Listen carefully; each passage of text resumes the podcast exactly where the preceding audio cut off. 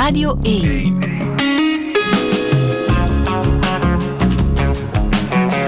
Douche. Met Friede Lesage. Touché met radio- en tv-presentator Peter van der Veire. Goedemorgen. Dag Friedel, goedemorgen. Hoe gaat het? Eh, Wel goed, ja. Het is lang geleden dat ik u gezien heb. Ja, wij kennen elkaar. Ja. Dat zullen we meteen al bekennen. Van lang geleden. Het is heel lang geleden. Wij zaten samen op een, eh, op een redactie op dezelfde gang van toen de VRT-baas Bert de Graven. En wij waren een van de eerste gezichten van, van Ketnet. Ik weet niet of jij er van in het begin al bij was. Studio Ket, ik achter de schermen. eh, dat leek hen veiliger waarschijnlijk voor Ja. de directie. Maar Ja. na een jaar mocht ik ook mee naast jou zitten. Peter. Juist, ja, ja, ja. Dus ja, sinds 1997 En ongeveer. voilà, ondertussen zijn er drie Catnet-rappers bijgekomen. Zeker vandaag alweer voor de zoveelste keer, Ja, ja, ja, ja. Maar wij kunnen even teruggaan in de tijd. Ja. 25, dat is 25 jaar geleden, beseft je dat? Ja, maar goed, genoeg daarover. Genoeg daarover. Jij bent net terug uit Turijn, Ja. waar je al voor de tiende keer commentaar hebt gegeven op eh, Eurosong. Mhm. Is dat nu afkicken als je van zo'n eh, event terugkomt? Ik vind dat wel. Dat is een, dat is een heel intense beleving. Want hoe lang zit je daar dan? Ik zit er maar een week. Van zaterdag eh, zat ik er tot de zondag, dus dat wel. Maar eigenlijk is het circus al een week ervoor begonnen, met persconferenties, veel repetities en, en heel veel uitstappen voor die mensen. Maar ik pik dan net iets later in, maar dat is heel intens, omdat je echt van repetitie naar ehm, ja, persconferentie holt. Dat het, het was ook gigantisch slecht georganiseerd, Frida. Het was Daar wil ik het straks nog even over hebben. ja, oké, maar eh, ik ben intussen afgekikt. Feest. Ja. Ondertussen ook bijna twee maanden niet meer te horen op M&M in de ochtend. Mhm, Klopt. Ook afkicken, denk ik. Dat valt eigenlijk nogal mee. Ja. Ik heb, ja, mijn collega's die bellen mij dan en mist ons al. En ik moet altijd zeggen, nee, ik mis niks. Dat is- 13 jaar de ochtend gedaan en je mist het niet. Nee, ik mis het niet. En dat is ehm, langs de ene kant heel bevrijdend, maar langs de andere kant maak ik mij ook wel een beetje zorgen. Want natuurlijk, ja, op een bepaald moment ga ik wel weer iets moeten gaan doen. dus ik hoop dat ik nog zin heb om dan iets te gaan doen. Maar dat, ik denk dat dat wel goed komt. Was jij te oud geworden voor een jongere zender? Oh, ik denk het, Friedel. Nee, maar ik wist het... Ik heb het al een paar keer verteld. Ik wist dit al, al even bij Je wou al vroeger stoppen. Ik wou eigenlijk al stoppen in, wat is het, 18 of 19, denk ik, bij, eh, toen Julie van de Steen naar, eh, naar VTM ging. Ehm, maar zeiden van, je hoeft nog niet te stoppen, dit kan nog even. Dan heb ik gezegd van, oké, ik doe het nog, nog een paar jaar, we zullen wel zien hoe lang. Maar dan met nieuwe mensen, andere insteek. En toen zijn Kouter en Wanne erbij gekomen, twee, eh, twee jonge mensen. Maar toen wist ik van, dit is de laatste ronde. Dit, dit, dit is wel goed geweest. En heeft dat met leeftijd te maken? Ja en nee. Ja, natuurlijk, ik ben 50 geworden. En ja, als je denkt voor wie wij werken bij M&M. Maar ik weet, toen ik begon met de ochtendshow bij Studio Brussel, was ik eh, ergens begin de 30, denk 3 of 34. En toen zei een, een slimme journaliste van de Standaard... "Eh, Meneer Van der Veijren, u bent, al, u bent al voorbij de 30. Voor een jongere zender gaat dat wel lukken allemaal. Dus ze vonden mij toen al te oud. En intussen eh, denk ik dat, dat mijn houdbaarheidsdatum daar echt wel... allee, dat het wel klaar was. Hoe zou jij jezelf omschrijven? Ik probeer mezelf altijd te omschrijven als, als zo de, de directeur van mijn eigen circus van chaos. Dat is omdat ik, mijn hoofd, dat is, dat is zeer veel. Zeer druk, zeer intens. En eigenlijk waar ik dan mee bezig ben, is dat onder controle houden. Ja, je noemt jezelf ook een guilty pleasure voor anderen. Ja, ik vind dat een heel, allee, ik vind dat heel rare woorden, omdat ik vind alles leuk. Maar echt alles. Ik heb het jou verteld, ik, van, van Smetana tot eh, Dallas tot Bart Kael. Ik vind alles fantastisch. En ik denk die verwondering, die verwondering van, die een kind van, van een jaar of tien ook altijd heeft, dat heb ik heel mijn leven al proberen vasthouden. En ik moet daar eigenlijk nog niet te veel moeite voor doen. En, mensen vinden dat fascinerend, het feit dat jij dat ook allemaal aangaat. Ja, ja sommige mensen eh, kijken meewarig, sommigen draaien met hun ogen, maar Ja. er zijn gelukkig ook heel veel mensen die daar zeer enthousiast en zeer gelukkig van worden. En ik denk dat daar ergens mijn functie ligt in het leven. Ja, maar zijn er ook, ja, er zijn ook mensen die Peter van de Veire toch maar een uh, rare kwast vinden. Ja, ja, ja. die- Raakt jou dat? Niet meer op die manier. Ik, eh, in de digitale wereld blokkeer ik die gewoon. En in het echte leven kom ik ze ook heel weinig tegen. En als ik ze tegenkom en ze durven mij al aanspreken, want dat, dat gebeurt dan ook gewoon heel weinig, dan gaan die in een gesprek en ga ik in een gesprek en dan merken wij alle twee van Zeg, ça va wel allemaal, hè. Het is, het is, het is allemaal wel oké. Zo- Zo een van die dingen dat je... Goh, ik zeg dat ook altijd tegen jonge collega's van... Die dan kunnen uithalen van... Maar heb je dat gisteren gezien op televisie? Wat een mottige kop. En die is zo sluigt. Wat doet die allemaal? Ik, die, die moet echt... Het moet een vreselijk mens zijn. Ik zeg, ja, jij kunt dat nu wel vinden, maar heb je die al ooit ontmoet? Ja, nee, nee, nee, nee. Dus je kent die ook niet. Ja, nee, maar ja, je ziet toch dat... Ik zeg, ja, het is niet omdat je het ziet dat die ook zo is. Dus ik heb, daar, ik heb die fout zelf heel lang gemaakt. Eh, en ik probeer daaraan te werken om die fout niet meer te maken. En ook andere mensen daarvan duidelijk te maken van... Er is altijd een soort genuanceerd beeld. Dat is belangrijk. En wat is dan het genuanceerd beeld van Peter van de Veire? De kant die wij niet kennen? De- laat ons dat de volgende twee uur uit, uitvissen, Friedel. Ehm, op je hoede voor interviews. Dat, ehm, Ja. dat ben je wel, hè? Ja, ja omdat eh, toen je het me vroeg, heb ik daar even moeten over nadenken. Omdat ik heel veel interviews heb gegeven waar ik het gevoel had dat ik, dat ik echt aan het werken was. Dat ik mij schrap moest zetten voor vragen. Dat ik ehm, mij moest verantwoorden voor dingen waar ik niks mee te maken had. eh, waar ik bepaalde... zelfs binnen radio, bijvoorbeeld binnen media, dat ik bepaalde dingen moest gaan uitleggen die andere mensen besloten hadden boven mijn hoofd. En ik heb daar geen zin meer in. Ik wil mij ook tijdens interviews ook gewoon amuseren. Ik wil praten over dingen, maar ja, dan, dan ook wel deels onder mijn eigen voorwaarden. En er is niks mis mee. Dus zei ik bepaalde dingen ook gewoon van, dat doe ik niet meer. Dank u wel. Hoe is het om Peter van de Veire te zijn? Ça va. Oké, va. welkom in Touché. Dank u.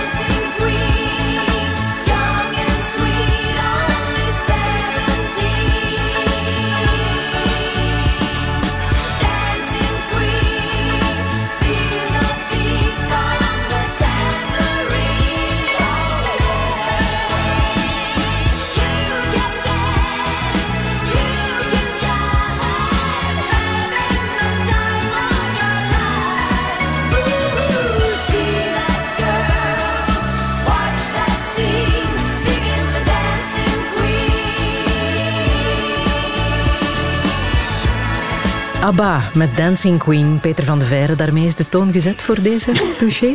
Ja, ik denk dat je iets minder vrolijke liedjes ge- gezocht hebt voor de rest. Maar dit moest er wel bij. Maar ja, dat is het begin alleen al. Die, die piano, dat is zo, zo geniaal eenvoudig, maar zo intelligent. Dat zijn de uitvinders van de betere popmuziek. Mm, En ook wel toppunt eh, aller tijden van eh, Eurosong, ABBA?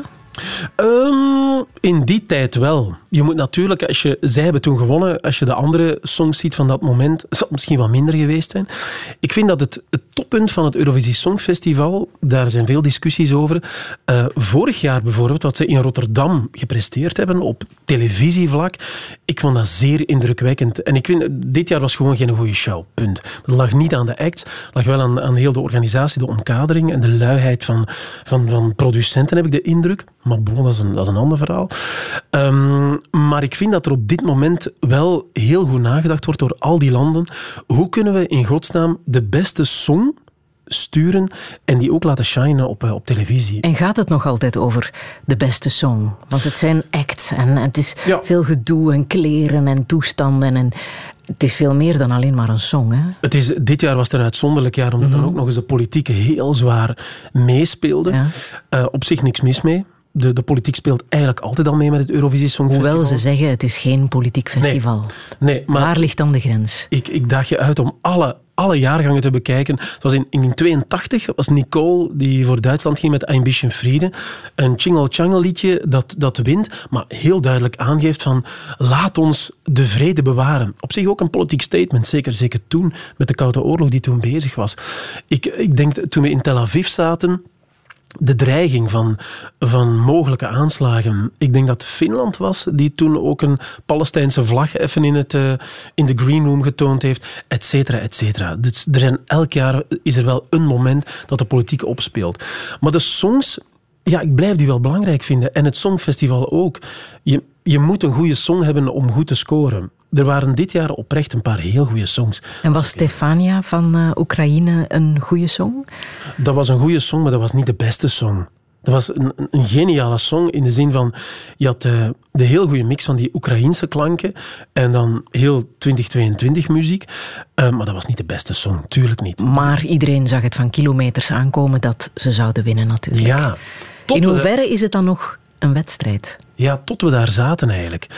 Ehm, want onder de commentatoren was het van, ja, ja, ze gaan winnen, maar we merken dat die songs, dat iedereen toch heel hard bezig is met de muziek. En dan ging het publiek stemmen en was het voorbij natuurlijk. Dus, eh. Ehm, het, het is nog altijd wel een wedstrijd, denk ik hoor. Maar dit, dit jaar was zo uitzonderlijk. Net als de, de coronajaren kun je dat met niks anders vergelijken. Het is heel fijn dat die gewonnen hebben, al is maar voor, om een statement te maken. En eigenlijk is dat ook de vertaling van het Eurovisie Songfestival. Als je daar binnenkomt, Friedel, dat je komt, en nu ga ik heel klef beginnen klinken, je komt in een soort gigantische Europese bubbel van liefde terecht. Dat is bijna, dat is bijna on, onwerelds. Iedereen is zeer lief voor elkaar, is heel sympathiek. Verliezers die worden omarmd door de winnaars en omgekeerd. Er is geen competitie, behalve op het podium. Ehm, en ik zeg ook altijd van, als we in onze politiek mondiaal en Europees iets meer Eurovisie Songfestival zouden hebben, dan maken we kans op wereldvrede. Het is, zo, het is zo schoon om te zien. En we hebben gevloekt op die organisatie en we hebben geroepen hoe slecht het allemaal in elkaar zat. Maar op het einde van de dag hebben we allemaal gevierd met elkaar. En dat is het mooie. Dus ik denk dat, dat dit een voorbeeld is van een wedstrijd waar je heel competitief mag en kan zijn op het podium, waar die puntentelling heel belangrijk is. Maar op het einde gaat iedereen wel hand in hand naar huis. En, dat zie is er al duidelijkheid over waar het volgend jaar zal plaatsvinden? Nee, er zijn een paar landen die zich kandidaat hebben gesteld, waaronder Zweden en Spanje en zelfs Polen, dacht ik. En Oekraïne natuurlijk, die zijn ervan overtuigd van wij gaan in Mariupol, wij gaan daar het Eurovisie Songfestival organiseren. Wordt op dit moment een heel klein beetje moeilijk.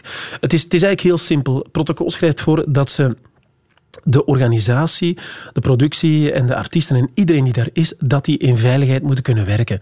Dus als je in een oorlogssituatie zit, is dat moeilijk. Is dat de reden ook waarom Rusland niet mocht deelnemen? Want al meteen na de invasie waren ze gedisqualificeerd hè, voor het Eurosongfestival. Ja, Qua politiek statement kan dat natuurlijk ook tellen. Tuurlijk, ja. Uiteraard omdat die ook wel merken, die EBU, van als we hen zouden laten meedoen, dan is dat misschien ook wel het enige land dat nog zal meedoen. Al die andere landen gaan zeggen van, dit gaan we niet doen.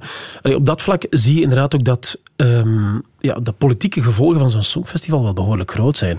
Als de VRT, een, een, eh, een, of allee, de RTBF in dit geval, een kandidaat stuurt naar een, naar een wedstrijd waar een, ja, een, noem het een politieke agressor mag meedoen, dat zou een heel slecht signaal zijn. Daar gaat het publiek ook heel slecht op reageren. Dus vandaar dat IBO gezegd heeft van sorry mannen, maar dit gaan we niet doen. Even over België gesproken. Ja. Elk jaar denken we dat we gaan winnen. Ja. Op die 66 keer is het nog maar één keer gebeurd hè, met Sandra Kim en Jamie Lavie in 1986. Ja, een minderjarig meisje. Ongelooflijk goed. Ja, ja ehm, pijnlijk, als je dat zo noemt. Ehm, maar wat kan beter? Eh, wat missen wij om... om... Het is elk jaar weer een... Ja, ik heb er ook geen wiskundige formule voor. Die bestaat ook gewoon. Want jij denkt ook elk jaar dat we gaan winnen. Hè? Ik moet dat ook denken. Ik ben eh, verplicht, het staat nergens op papier, maar ik ben ook intussen moreel verplicht. Als we een kandidaat sturen, moet je daar ook als natie gaan achter staan. En dat doen we dan ook. En dat, dat is ook heel fijn. Dit jaar hadden we ook een, we hadden een goede song, Aha. hadden een goede kandidaat. De act, daar moest misschien toch nog eens over nagedacht worden. En zijn jasje en zijn broek, dacht ik van... Ik heb hem zien rondlopen in, in geweldige outfits. En dan komt hij op het, eh, ja, op het podium met, met een jasje dat ik denk van... Maar, Maar dat zeg je nu. Heb je dat ook gezegd voor je op het podium ging? niet tegen hem. ik heb het hem niet gezegd. Nee, ik moet me daar ook niet mee moeien op dat vlak. Maar goh, ik heb, eh, een van de beste voorbeelden was Duncan Lawrence. In, eh, in Nederland.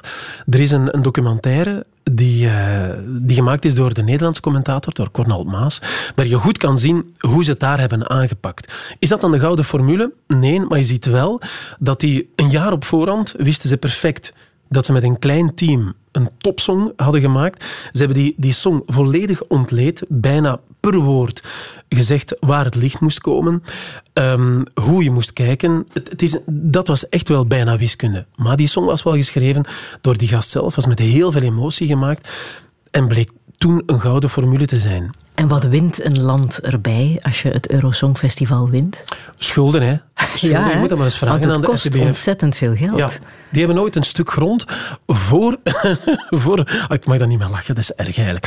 Voor hun, voor hun gebouw lag een stuk grond dat ze hebben moeten verkopen, onder andere, om die, die put te vullen. Zo gaat de legende. Of het exact zo is, dat eh, durf ik in het midden laten.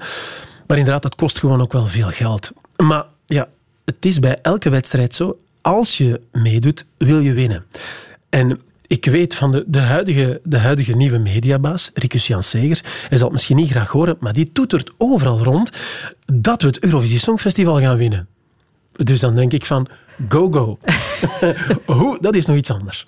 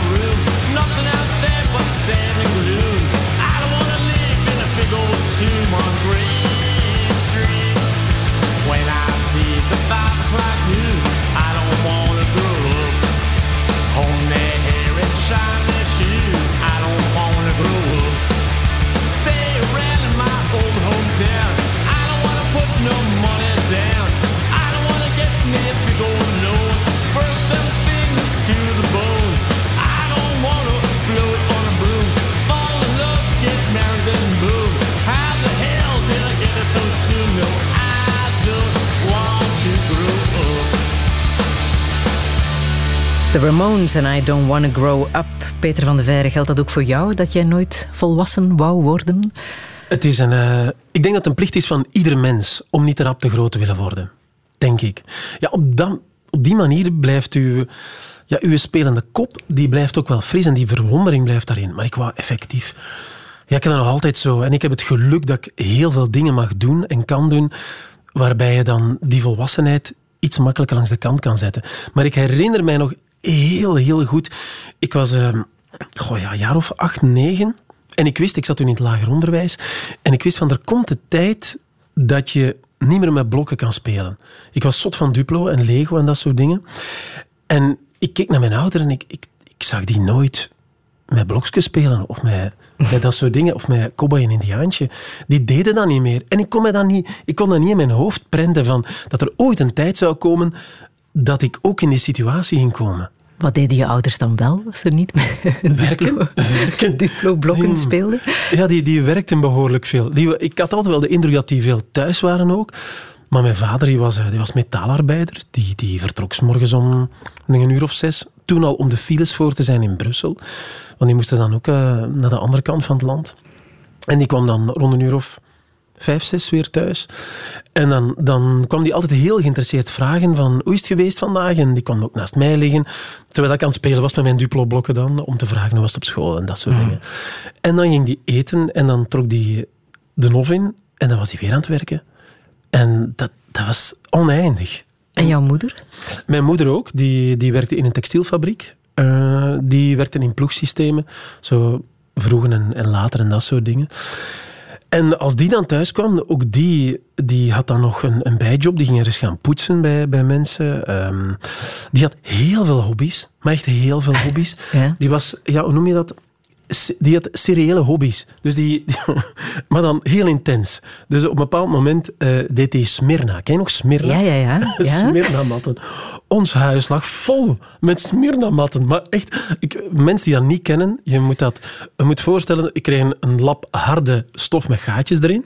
En dan had je bolletjes wol, die van ongeveer 10 centimeter. Ja. En werd dat met een haakje daardoor getrokken. En daar kon je de mooiste dingen mee maken. Bloementapijten, eh, Mickey Mouse tapijten, allerlei tapijten. En die zijn mij gestopt op het moment dat bleek dat ik een allergie had aan stof en huismerk. Oei, ja, dat is een beetje vervelend. Alles meer naar weg. En toen is ze beginnen kantklossen. Eh, en had ze op een bepaald moment drie grote schijven kantklossen in ons huis. Dat lag vol met kantklosmateriaal. Is dan ook mee gestopt. Is ze beginnen haken. Hadden we overal in huis. ah, Ik hoop niet dat ze luistert, maar overal in huis hadden we hele mooie eh, engeltjes, gehaakte engeltjes aan de, ja, boven ons lampen hangen. En de- eindeloos. Ze heeft heel veel kleren gemaakt ook. Ze heeft heel veel mijn, mijn kleren ook gemaakt. Dus die was heel handig. En ik weet, als, als kind tekende die ook heel veel. Die kon heel mooi tekenen.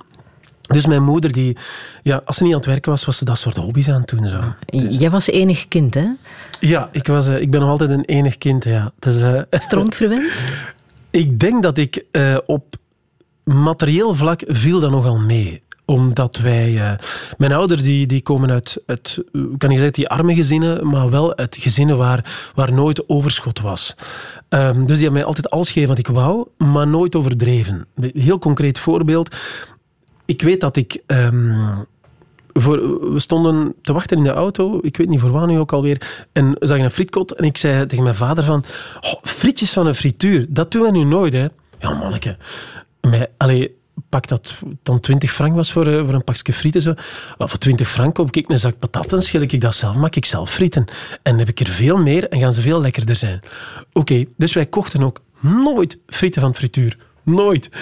Dus op dat vlak ben ik nooit verwend geweest en altijd heel bewust geweest van eh, de waarde van, van hoeveel iets kost. Maar ik ben wel ehm, door mijn grootmoeder dan vooral echt emotioneel verwend geweest. Ik, ik, ja, ik werd echt beschermd. Als een moederkloek beschermde die vrouw mij zo intens dat het eh, tegen mijn puberteit ook wel gênant werd. Zo. Van, ik vertrok dan. Hè, jongen, je hebt toch je muts op?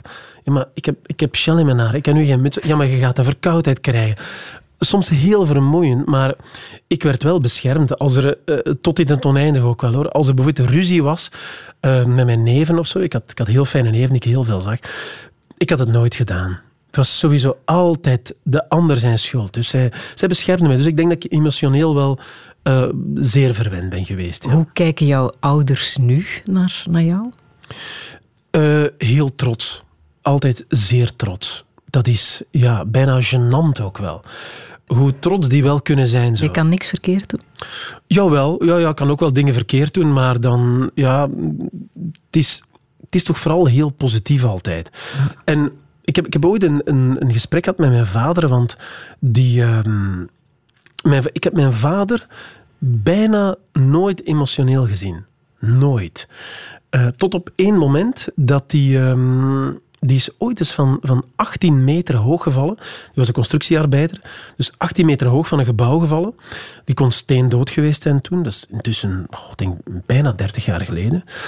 Maar eh, zijn val is gebroken. Er was een, een, een groot stuk ijzer uit die muren hing en daar is hij opgevallen, waardoor de snelheid gebroken is en dat hij het overleefd heeft. Die ging wel in frut uit elkaar. En die, die was altijd super positief en heel enthousiast. En, en het moment dat hij in het ziekenhuis kwam, die hebben die meteen proberen oplappen en mijn moeder en ik waren aan het wachten. En die, die kwam van de ene operatiezaal naar de andere, werd die gevoerd, vol met tranen en zich excuseren van sorry, sorry dat ik jullie dit aandoe. Ik dacht van, maar je moet u helemaal niet excuseren zo. Ehm, en voor de rest is eigenlijk alles bij ons werd, werd heel positief gehouden. En dat is ook tegenover mij zijn ze altijd zijn heel bezorgd. Hè? Pas op, altijd heel bezorgd geweest als ze lelijke dingen lezen in de krant of, of dingen zien. Zo, zeggen ze van, jongen, het gaat toch wel, hè? we moeten ons toch geen zorgen maken. Hè? Nee, nee, alles is in orde zo. En alles werd ja, met een soort positieve mantel toegedekt. Soms ook wel overdreven, hoor, dat je denkt van, ja, maar zo positief zit het leven ook niet in elkaar. Zeg je dat dan? Ja, tuurlijk. Ik heb dat ooit... Want dat wou ik toen ook... eh, ooit gevraagd aan mijn vader van... Maar jij bent toch ook niet altijd gelukkig geweest? Dat kan toch niet dat jij... Want jij doet alsof dat jij altijd gelukkig bent. Dat kan toch niet? En die zei toen de gevleugde woorden van... Ja, maar manneke, ik moet u daar toch niet mee lastigvallen. En dat is ook wel de samenvatting van... Ja. ja heel jaren 70, 80 opvoeding. Van eh, praten over uw problemen, dat deden wij niet. Praten over uw emoties. En dat is nog iets wat, dat, wat, dat, wat eigenlijk... Allee, ik denk dat ik de laatste tien jaar daar iets makkelijker of iets, iets, iets meer mee, mee om kan. Heb jij het moeten leren? Ja, je hebt absoluut. Amai. Ik heb moeten leren praten. Ja. Kan je het nu? Beter. Beter, maar er- ja, mijn vrouw heeft mij dat eh, tot scha- schande geleerd omdat ik dat echt niet kon. Wij praten heel veel. Mijn ouders, die, die, die praat, mijn vader praat tegen een stoel en in een stoel praat terug. maar echt. ik heb ooit gehad, wij moesten naar een, ehm, ik denk de pen- het pensioneringsfeest van mijn, van mijn schoonvader. En mijn vader die was ook uitgenodigd en mijn moeder die kon toen niet mee, die was toen in het ziekenhuis. En die ging meegaan. Ik, ik, ik maakte mij zo van, ah, die kent daar niemand. En ik ben zelf als de dood om ergens te komen waar ik niemand ken. Ze van, oh, die gaat daar niemand kennen zo. Maar die komt daar en die begint tegen mensen te praten die hij nog nooit gezien heeft. En dat is mijn vader. Die, die is super communicatief. Maar niet Maar over gaat- emoties. Nee, het gaat nooit over gevoelens. En dat is het. Als er, als er, allee, ik ben ook al kwaad geweest op mijn ouders en zij ook op mij. Maar dan, dan, dan wordt daarover gepraat en merk je dat we in een soort moeras verzinken waar we proberen eh, woorden te vinden voor dingen die we dan voelen, maar die we dan ook heel snel weer laten ondersneeuwen. En dat gaat iets beter intussen, maar ik, ik probeer dat, eh, zeker bij mijn, mijn kinderen heb ik dat heel fel geprobeerd, en met onze zoon ook, van als je met iets zit, praat erover. Het is, het is zeer 2022, maar voor mensen van mijn generatie, dat is, dat is nog altijd zeer moeilijk.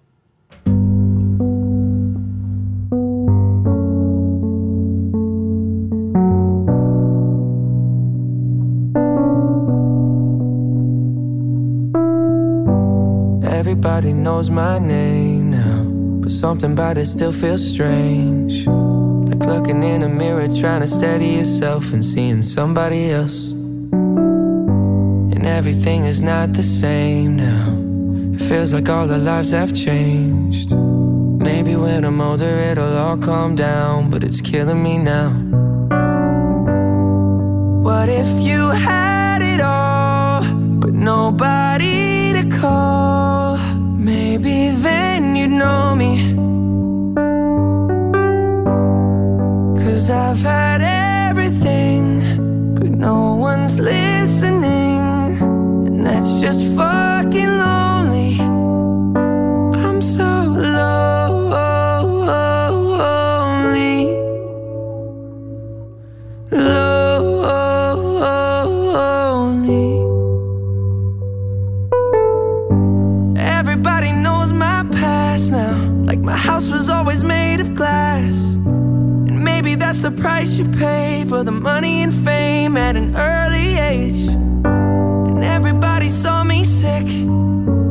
Felt like no one gave a shit. They criticized the things I did as an idiot kid. What if you had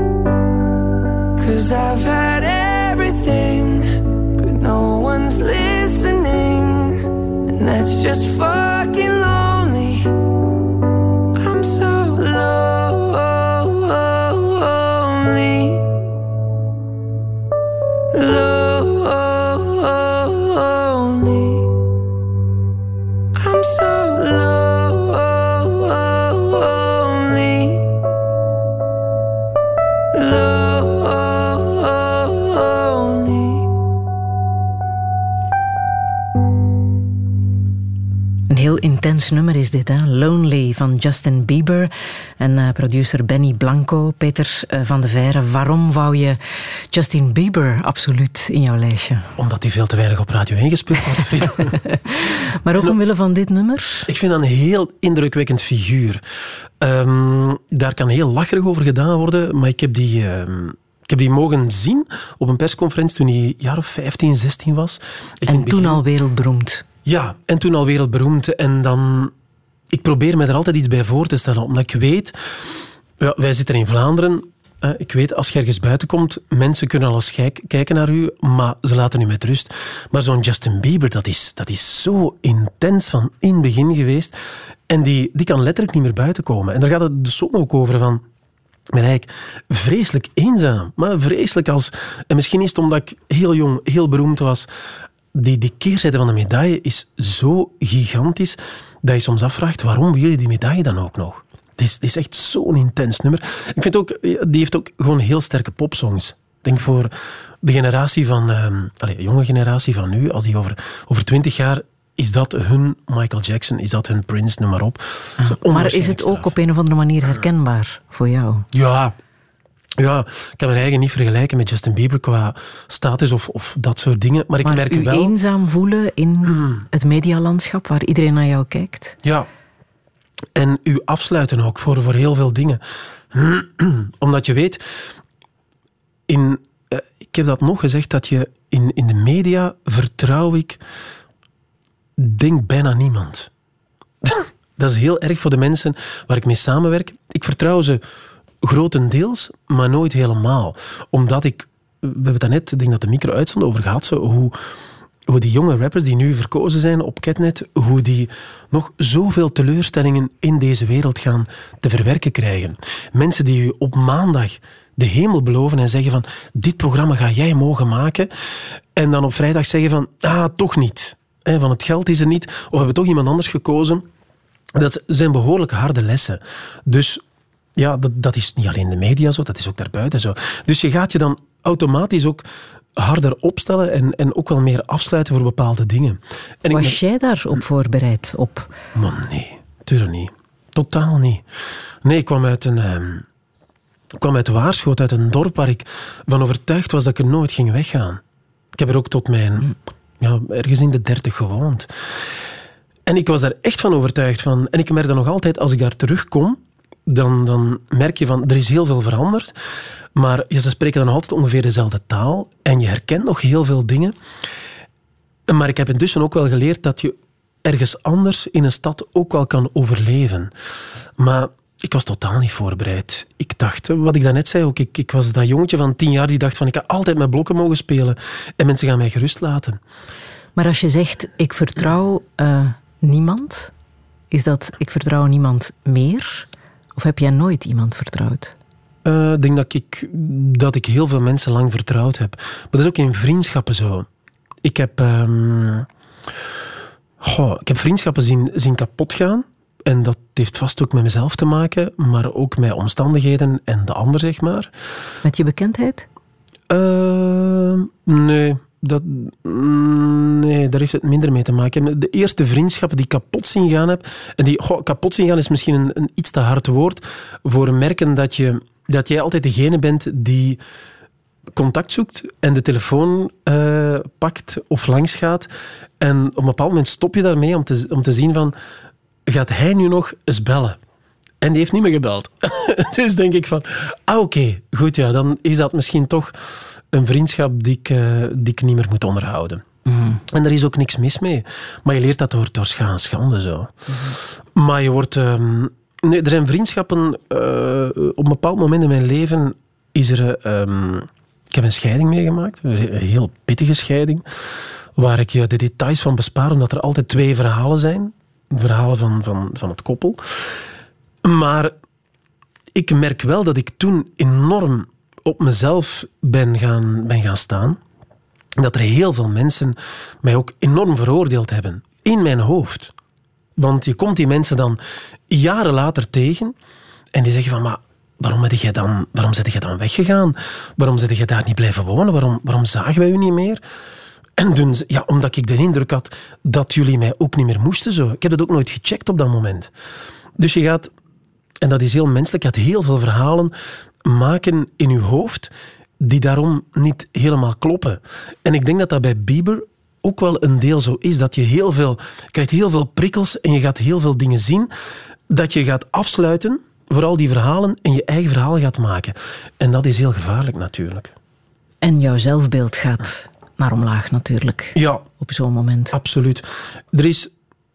Uh, en dat, dat, dat was ongeveer in die periode toen ik uh, van Studio Brussel, toen ik M&M op, uh, begon, opstarten, heb ik heel veel, maar heel veel drek over mijn hoofd gehad. En heb, je, heb ik ook alleen die drek bekeken zo, en niet de andere dingen meer. En dan ga je dat, ja, dat ja, in een soort trechter krijgen en dan ga je ook gewoon op een bepaald moment afhaken en in bed gaan liggen en zeggen van het hoeft ook niet meer. Want dat was inderdaad een heel heftige periode. Hè? Je kwam van Studio Brussel, daar was je de absolute held. Hè? Ja. De meest fantastische radiopresentator die er ooit was uitgevonden. Dat was Peter van de Veire, ja. niemand anders. Nee. Daar deed je ook de beste programma's, de afrekening, Music for Life. Ja. Peter van de Veire was de zender en toen plotseling ging je M&M oprichten. Ja. Daar werd heel veel over gezegd en geschreven. Mm -hmm. Zowel negatief als uh, positief. Zelfs de politiek zou zich ermee gemoeid hebben. De politiek heeft zich ermee gemoeid. Hoe ver ging dat? Er is op een bepaald moment, um, bij de opstartfase, is er. Ik ben gewoon op dat moment ook gewoon echt misbruikt door. Uh, ik denk Karel de was toen voor de CD&V, zat hij in de, de mediacommissie. En die heeft facturen van mij opgevraagd bij het Rekenhof, die openbaar waren trouwens. En heeft die gelekt aan iemand van, uh, denk van Knak of Focus Knak. Die heeft daar een artikel over gemaakt van kijk eens hoeveel hier verdiend wordt op de kap van de, de belastingsbetaler. Heeft moeten besluiten van eigenlijk waren die bedragen marktconform, maar je kreeg wel een bepaalde stempel op je van de, de, de graaier die een andere zender kapot had gemaakt, waar ik opnieuw wat ik in het begin van het interview zei, niks mee te maken had. Radio Donna, op een bepaald moment hebben ze besloten van, we gaan dit niet meer doen. Maar jij was de doodgraver van Donna. Letterlijk, stond zo in de krant. Um, en ja, dat politieke spel ging zelfs zo ver dat dat, dat heeft parlementaire vragen opgeleverd.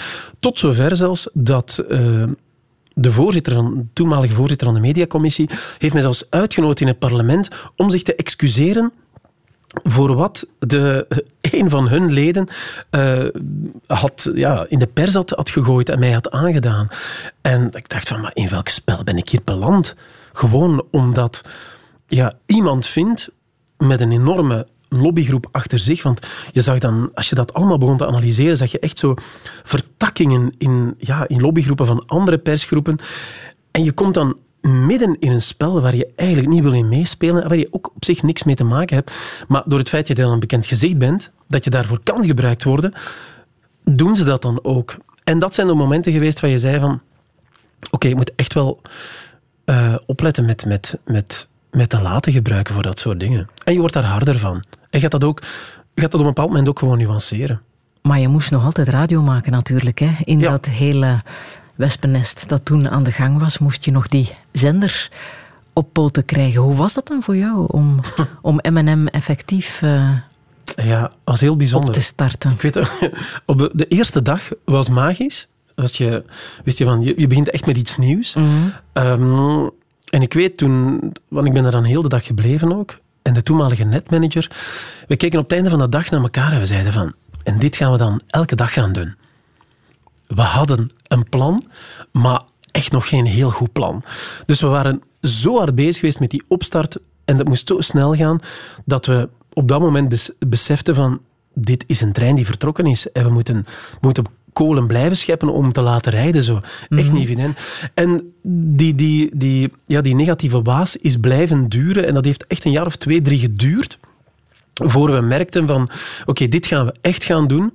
En dat mensen ook door hadden van, ah, oké, okay, daarvoor staan jullie. Het is bij de, ik denk bij de eerste marathonradio in 2012 dat mensen door hadden van, ah, oké, okay, dat soort zender gaan jullie worden.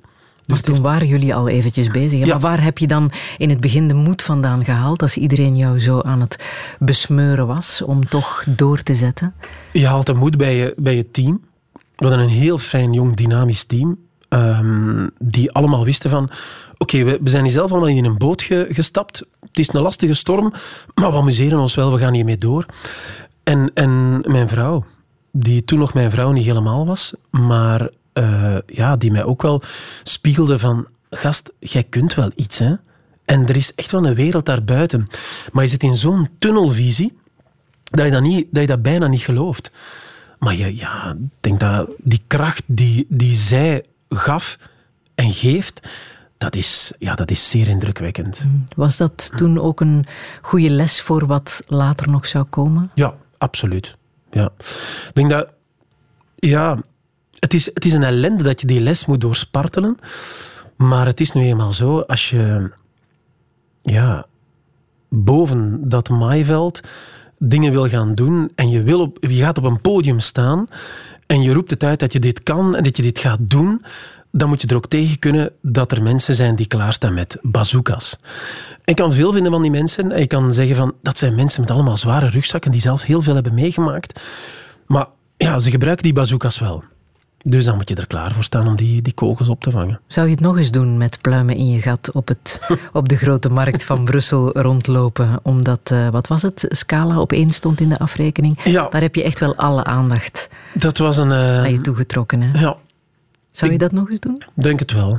Allee, ik hoef het nu niet meer te doen, maar ik uh, denk dat toen op dat moment leek dat een, een goede zet. Ja.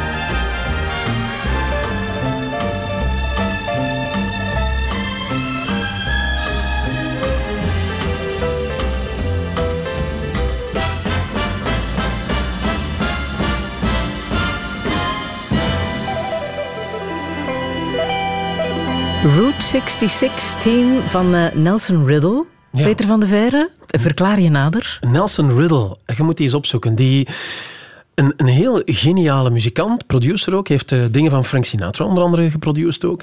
Ehm, maar, maar heel veel demonen. Had ook zeer veel kinderen. Ik zeven of acht kinderen had hij. Was een heel slechte vader. Dronk ook enorm veel. Ehm, maar maakte dit soort muziek. En dit soort muziek, ik word er altijd zeer gelukkig van. Het is met een groot orkest en, heel positief en, het kan u meeslepen. Dit zijn zo de, ja, de Spotify-dingen. Ik zet dat dan op. Zo Nelson Riddle en Start Radio. Ken je dat systeem zo? En dan, dan vallen er allerlei van dit soort dingen uit, de- uit de lucht. En ik word daar, ja, het brengt mij terug naar een tijd die ik zelf niet heb meegemaakt. Zo heel 60s, waar nog amper auto's op de straat waren. Maar de auto's die eraan reden waren, waren zeer mooi. En mensen die liepen ook in, in kostuum. Ook al gingen ze in de tuin werken, hadden ze een kostuum aan en een noetje. En dat soort zwart-wit... ehm, ja, ik, de- ik, ik- het is veel te romantisch hoor, maar het is zo de, ja, de, de, de golden 60s, zoals zelfs mijn ouders eh, ze beschreven. Zo van, ja, wij kwamen toen in een wereld waar in, in januari verdienden we nog ehm, net genoeg om ons huis af te betalen. Maar de maand daarna was het al, door de inflatie was al de helft geworden. En konden we veel meer doen. Het was ja, het begin van een soort ongebreidelde welvaart. En dat, dat voelde ook in, in dit soort muziek. Er waren, mensen waren niet bezig met klimaatproblemen en en de miserie en crisissen en dat soort dingen. Ze waren blij dat er, er was vrede. Er was een begin van Europa.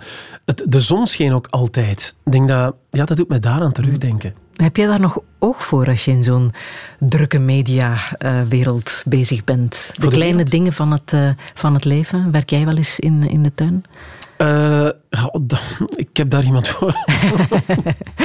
ik heb heel veel in de tuin gewerkt. En op een bepaald moment heb ik gezegd van... "Goh, ik we hebben nu een tuin die, de, die een beetje voor zichzelf zorgt ook. Eh, en als er dan iets moet gebeuren... Ik heb ook... klinkt zo pedant. Ik heb ook zo'n... eh, ik noem hem Eddy. En Eddy is een uh, maairobot. Ah ja. En doet oké. s'nachts het Ja. werken. En dan om de zoveel tijd laat ik iemand komen om de dingen bij te snoeien. Nee, maar wat zijn de vaste items in de kleine Peter van de Veire Laat mij met gerust show?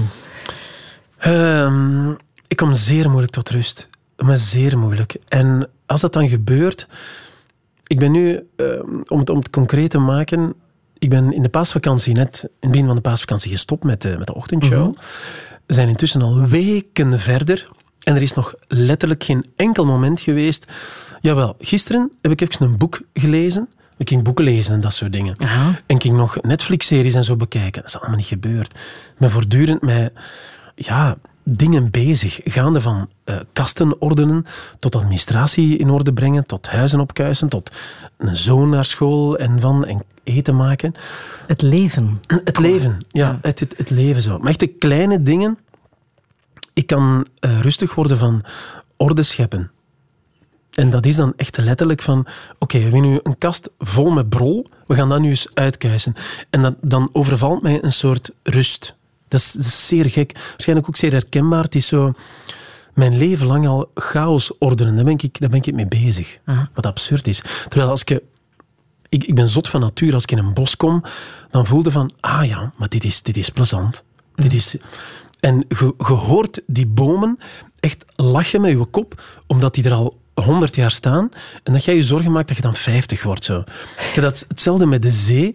Ik kan, en ik weet intussen ook hoe dat, dat komt, ik kan zeer rustig worden van de zee door die immensheid, door die oneindigheid. Je ziet de, de horizon en je ziet de oneindigheid en je weet van, oh, dat, dit, dit is zoveel, ik kan daar toch nooit controle over krijgen. Laat maar komen, laat maar eb en vloed komen zo. En opnieuw, die zandkorrels zijn ook met je kop aan het lachen, want die liggen daar al zoveel miljoenen jaar, zijn die al naar overal geweest en die zijn ook weer met uw kop aan het lachen van, gast, wat, wat, wat denkt jij nu eigenlijk wel dat jij zijt? Zijt Goed restaurant kan jou ook wel even uit de rat race halen, denk ik. Hè? Ja, gisteravond nog gedaan. Ja, Veel sterren, Eh, Eh, dat mag. Ja, het is dan een ster. Zonder Ja. reclame te maken. Het Hofke van Basel. Zoiets in, in Kruibeke, Basel, een heel klein Is het een verslaving, Peter? Nee, maar ik vind, wel, ik, vind wel, ik vind het indrukwekkend altijd. Ik zou elke dag op restaurant kunnen gaan. Maar dat hoeft niet, hoeft niet elke dag een sterrenrestaurant te zijn. Maar ik, ehm, ik maak elke dag eten klaar. Maar echt elke... Ben jij de chef-kok thuis? Ja, maar op aansturen van mijn vrouw. Want als ik het eten ga klaarmaken, als ik mijn keuken moet volgen, dan moet je mij binnenrollen. Ik ben, ik ben, ja, mijn grootmoeder heeft mij opgevoed. En die vrouw die maakte eten dat voorzien was, waar mijn vader, ja, die moest zware arbeid gaan doen. Mijn moeder ook. En ik ook. Maar dus wij, wij aten heel vettig, heel zwaar, heel veel. Maar sterrenrestaurants, ja, ik ben daar... eh, ik vind ook kunst. Ik vind wat die, wat, die, wat die chefs doen... Ik zou het nooit willen doen, ik zou het ook nooit kunnen. Maar die... Ja, Nochtans, het is een knelpuntberoep. Hè? ja. Ja. Die, eh, wat Zocht jij niet nog een nieuwe job? Zot. Voor... Nee, nee, na dit? nooit, nooit, nooit, nooit. Peter, dit kan misschien ook wel helpen om eh, tot rust te komen. Dit is de Bathroom Dance. Die eh, prachtige tai chi-beweging van Joaquin Phoenix in de, film The Joker. Mhm. Die je hebt gezien en eh, die jou toch wel heeft geraakt. Hè? Ja, ik krijg er letterlijk weer kikkenvel van. Als ik aan die film denk, dat, dat is... Ja, ik had hem nooit gezien en iemand zei van... Jij moet die film absoluut zien. Je gaat die geweldig vinden. En waarom moest jij die zien, denk je? Omdat die zo vol zit van waanzin. En ik denk dat er soms ook heel veel waanzin in mijn leven en in mijn medialeven heeft gezeten. Het gaat over een mislukte komiek. Hè? Ja, ja, er zit heel veel mislukking in. En het, het, het duidt ook heel veel ehm, hoe mensen die niet begrepen worden, mensen die, ehm, die veel aandacht vragen, waar het mis mee loopt, in, in hun jeugd en in een omgeving, hoe die volledig ontsporen, de waanzin opzoeken en dan ja, criminele feiten gaan, gaan plegen. Dat is, ook waar mijn vrouw, kan je zeggen, die elke dag jokers in haar praktijk krijgt. Ze is een kinder- en jeugdpsychiater. Maar heel veel ellende ziet zo. En dat is, ja, de maatschappij heeft deze mensen ook gemaakt. Heeft die, als je niet weet waarover het gaat, die gaan bekijken zo effectief miserie, veel miserie. En dan ervan overtuigd zijn, ik ben de beste komiek van de wereld. En op een bepaald moment ook iets heel moorddadig, letterlijk moorddadig doet. En mensen vinden het ook nog eens geweldig. The Joker. Filmtip van eh, Peter van de Verre. Wij praten zometeen verder. Radio 1.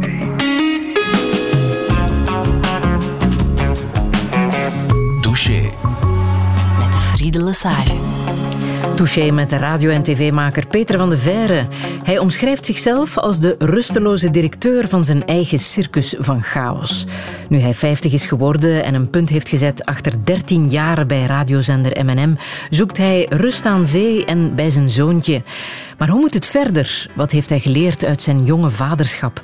Wat heeft hij met standbeelden? En hoe klinkt zijn ernstige kant? Dit is Touché met Peter van de Verre. Een goede middag. Als de oorlog komt en als ik dan moet schuilen, mag ik dan bij jou?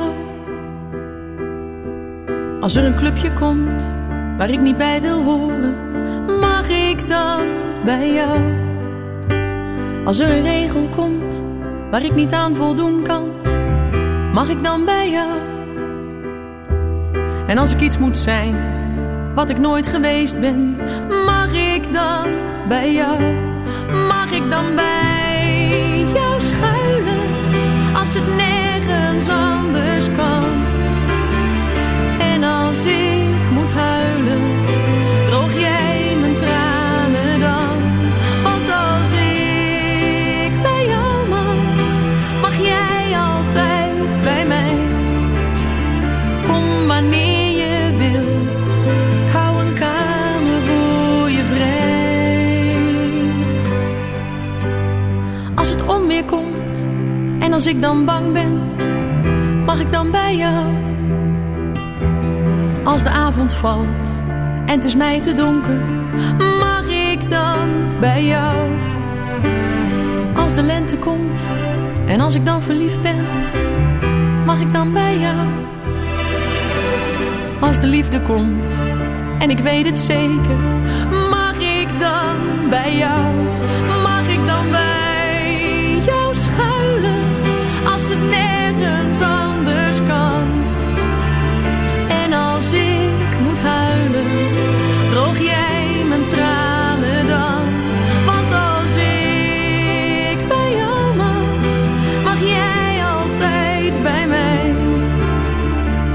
wanneer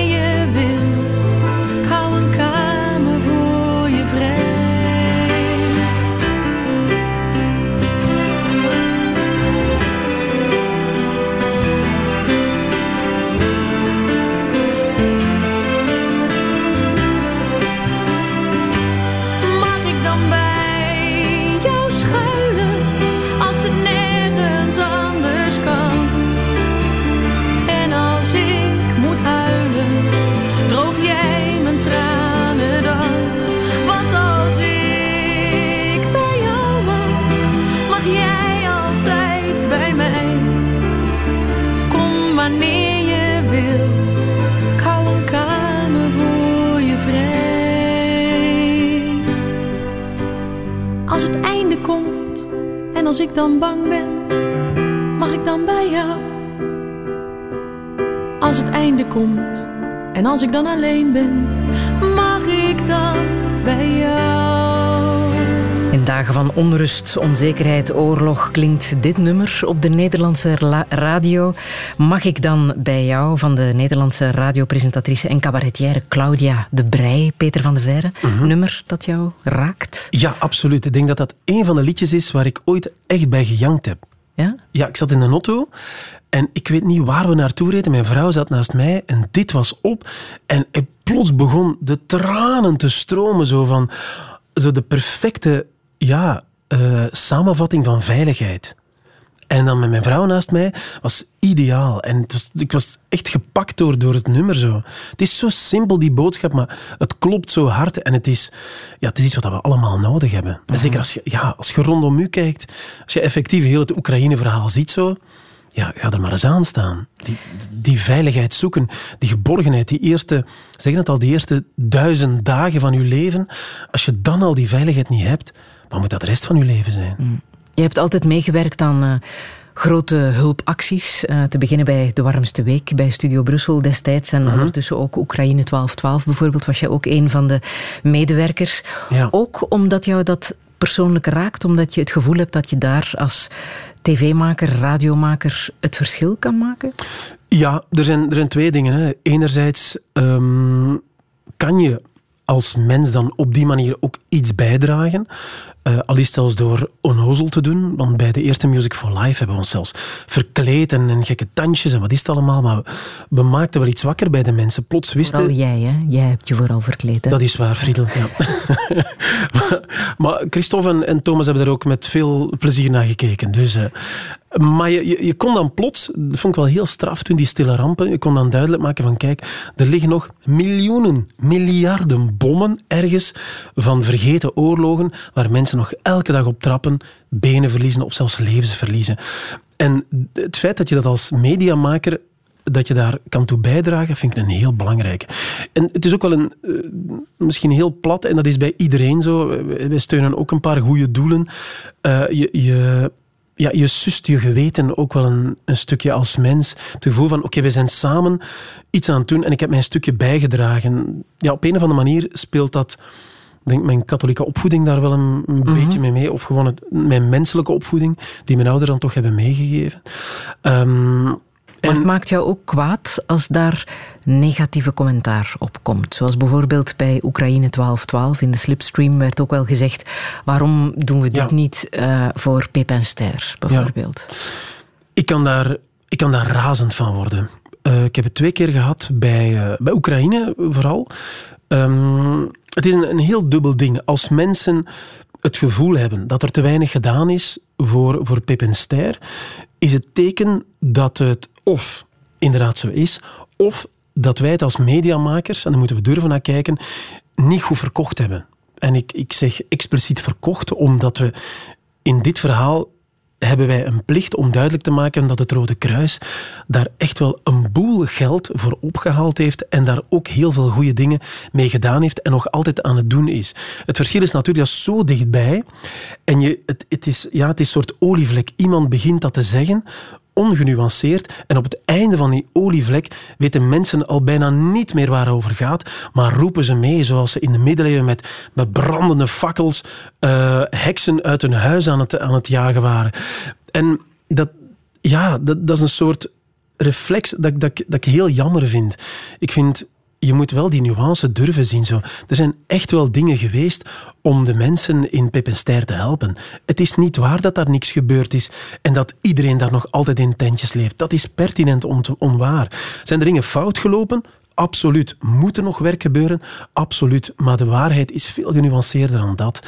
En dat vind, dat vind ik dan zo jammer dat heel het verhaal van Oekraïne 1212, het is niet helemaal ondergesneeuwd, maar mensen doen wel de moeite om het helemaal te laten ondersneeuwen en dan kom je in een soort negatieve spiraal terecht. Ik had het bij de warmste week ook, heb ik zelfs op een bepaald moment een journaliste aangesproken, heb ik haar een bericht gestuurd. Ehm, ging het over het feit dat ze het was geen makkelijke boodschap die we daar proberen zetten hebben. Daar zijn we enorm van, van, van bewust. Het, het mentale gezondheidsverhaal en dat je moet kunnen zijn wie je bent, dat is niet zo evident om te vertalen. Maar we wel gigantisch mooie verhalen, gigantisch veel mensen daarmee geholpen. En dan is er toch, dan zijn er toch altijd, ze noemen zich dan kritische journalisten, maar dan denk ik van, het is toch een beetje een slecht karakter dat je daar toont. Die gaan vergelijken van, ja, maar toen hebben we miljoenen opgehaald met die actie van de warmste week en nu is het maar dit. Ja, maar als je dat als kop gebruikt, dat, dat is intellectueel oneerlijk. En ik heb dat ook gespiegeld van, kijk, je had dit kunnen doen, je hebt dit gedaan, dit als kop gebruikt, maar je hebt de nuance, die is volledig weggesneeuwd door de koppen die je daar gebruikt hebt. En je hebt veel minder aandacht besteed aan wat de boodschap was. En dat is niet de bedoeling van journalistiek, denk ik dan. En die, je merkt dan, als je dat dan doet, dat journalisten zich, die voelden zich dan heel persoonlijk aangesproken en die beginnen zich te verdedigen. En op een bepaald moment, eh, ik had het eh, ik doe dan, mijn slecht karakter komt dan ook naar boven. Ik had het dan gedeeld op, eh, even op mijn stories, van hoe ongenuanceerd ik dit vond. Het enige wat ik dan kreeg van die journalisten is van, haal dat weg, is schandalig, je moet dat niet doen. En, ja, maar wacht eens, ik, ik wil gerust in dialoog gaan, maar doe het dan ook. En het, is eigenlijk geëindigd met, met een bericht van mij waar ik vroeg van, beste mevrouw, eh, het enige wat ik vraag van, praat er eens over in uw redactie. Gooi het op tafel. Ik vermoed dat het niet gebeurd is, maar ik hoop, als ze dit hoort, dat ze het alsnog doet. Dat ze die nuance dan toch nog in haar berichtgeving kan steken. Is het misschien ook iets dat ze niet van jou verwachten? Want jij bent de business, de showbusinessman, de entertainmentman. Ja. Eh, dat ze niet verwachten dat je zo'n reactie gaat, eh, gaat sturen. Dat kan. Ja, dat kan, want het is inderdaad iets wat ik... Ik hoed mij om, om al te luid meningen te poneren over dingen waar ik net niet genoeg van af weet. Ik vind het super boeiend om te, om te horen. Ik ben bijvoorbeeld eh, een geweldige fan van eh, Het Punt van Van Impe. Dat is een podcast van het Nieuwsblad, waar de hoofdredactrice dan in drie punten maar werkelijk gaat en gaat en af en toe maar los in een decor rijdt, maar meestal wel echt wel ja, een goed punt maakt. Ze, hebben daar ook, ze zitten daar dan ook altijd wijn te drinken, dat ik me afvraag van... Lukt is dat dan nog Is dat wel? dan wel oké? maar, maar ik vind dat wel heel goed om te horen dat mensen met verstand van zaken daar dan iets over zeggen. Als ik iets over het Eurovisie Songfestival te zeggen heb, zal ik het doen. Maar inderdaad, ze verwachten dat dan niet, omdat het dan... Ja, Maar Peter, had het gekund, want jij bent ooit begonnen als redacteur bij de regionale zender AVS en dan Mhm. eh, journalist geworden bij het Jeugdjournaal, Studio Ket, eh, Ja. bij, in de begindagen van, eh, van Ketnet. Ehm, had het gekund dat je de ernstige journalistiek was ingestapt? Was dat ook een mogelijkheid geweest? Het was een mogelijkheid, ja, want bij AVS hadden wij, ja, maakten wij ook ernstige dingen over politiek, over andere dingen. Maar ja, dan, dan merk je op een bepaald moment dat eh, de nar en de, de vrolijke waanzin toch iets te hard op de schouder aan het kloppen is van dit is wel veel plezanter. En ik herinner mij, eh, denk een van de momenten dat ik het helemaal door had. Ik moest een reportage maken voor de regionale televisie over een, ehm, een correctionele recht, een, een, een rechtszaak in, eh, in Gent. En ik was op van de stress. En ik heb mij toen echt gebeld naar een journalist die er alles van wist om mij in te lezen. En, en, maar ik, ik bleef met een soort stress zitten. En dan merkte ik van, dit is niet het, het fijnste wat ik, wat ik in mijn leven kan gaan doen. Terwijl ik wel vrolijk werd van ja, noem het triviale eh, onderwerpen. En alles wat met show en showbiz te maken had. En glans, dat vond ik dan wel plezant. En ik denk dat ik ergens die taak van mensen vrolijk maken, dat dat iets is wat ik kan en wat ik wil gaan doen. En daar ben ik dan wel blijven in hangen, ja. Daar kan je ook meer geld bij verdienen, denk ik. dan. Eh, Heeft dat ooit gespeeld? Eh, nee, niet op die manier. Maar het is, het is wel altijd belangrijk geweest om geld te verdienen. Ja? Ja, heb ik altijd heel belangrijk gevonden. Waarom? Mijn ouders hebben mij zo opgevoed. Dat is misschien heel gemakkelijk, maar wat ik daarnet zei... Mijn vader die zei letterlijk, die komt uit een gezin van 18 kinderen. En die zei letterlijk van, kijk manneke, zorg dat je een diploma hebt, zorg dat je goed je geld verdient, want je wilt niet dat ik, eh, dat zoals ik, hij stond dan voor de snoepwinkel en ze kregen dan, pak een frank mee in die tijd, en hij kon dan eh, kreeg dan een frank mee en de ander kreeg dan drie frank mee. Dat betekent dat zij, die anderen, drie keer zoveel snoep konden kopen. En die frustratie, die, die, die is in ons gezin altijd wel blijven spelen. Zo. Ik weet dat mijn vader... We stonden ooit één keer door een fout van de bank, stond er een rekening in het rood. En dat was, dat was echt, het het kot was te klein zo.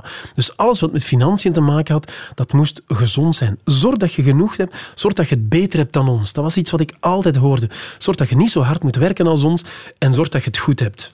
En Heb je een goed leven nu? Ja, absoluut. Ik heb een steengoed leven, Friedel. Wat maakt jouw leven goed? Als je het financieel bekijkt. Oh, financieel heb ik het... eh, ik, heb, ik heb een heel fijn inkomen door daar heel hard voor te werken. Maar, en dat, dat is echt niet omdat ik het moet zeggen, maar ik denk dat ik eh, door de, de luxe die ik mij heb kunnen aanschaffen, dat is allemaal heel fijn, maar ik kan wel gewoon thuiskomen. En daar is... Allee, alhoewel, mijn vrouw komt meestal na mij thuis intussen. Eh daar is iemand die met mij kan praten, waar ik kan mee praten. Ik kan ernaar luisteren. Daar is een zoon die geweldig gezond en gelukkig is, die soms heel veel lawaai maakt. Ehm, ik heb drie geweldige dochters. Ik heb ook twee ouders die nog leven. Die rijkdom, die, die ja, ik moet daar heel eerlijk in zijn, die is net iets belangrijker dan mijn bankrekening. Maar ik, heb, ik maak me geen zorgen over mijn bankrekening. En dat is iets wat ik wel fijn vind.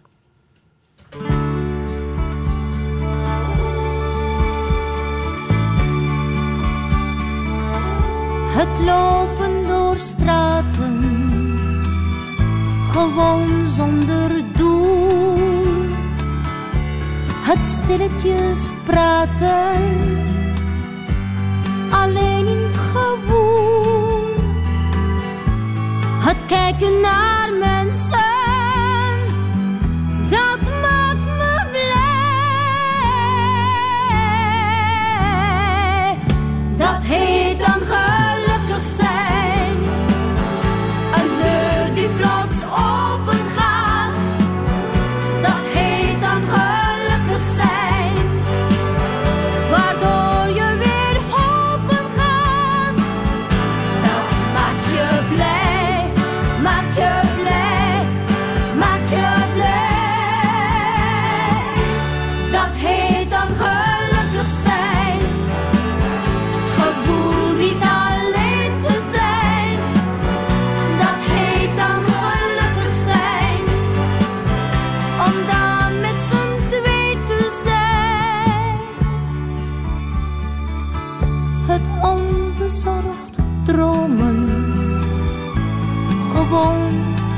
jou.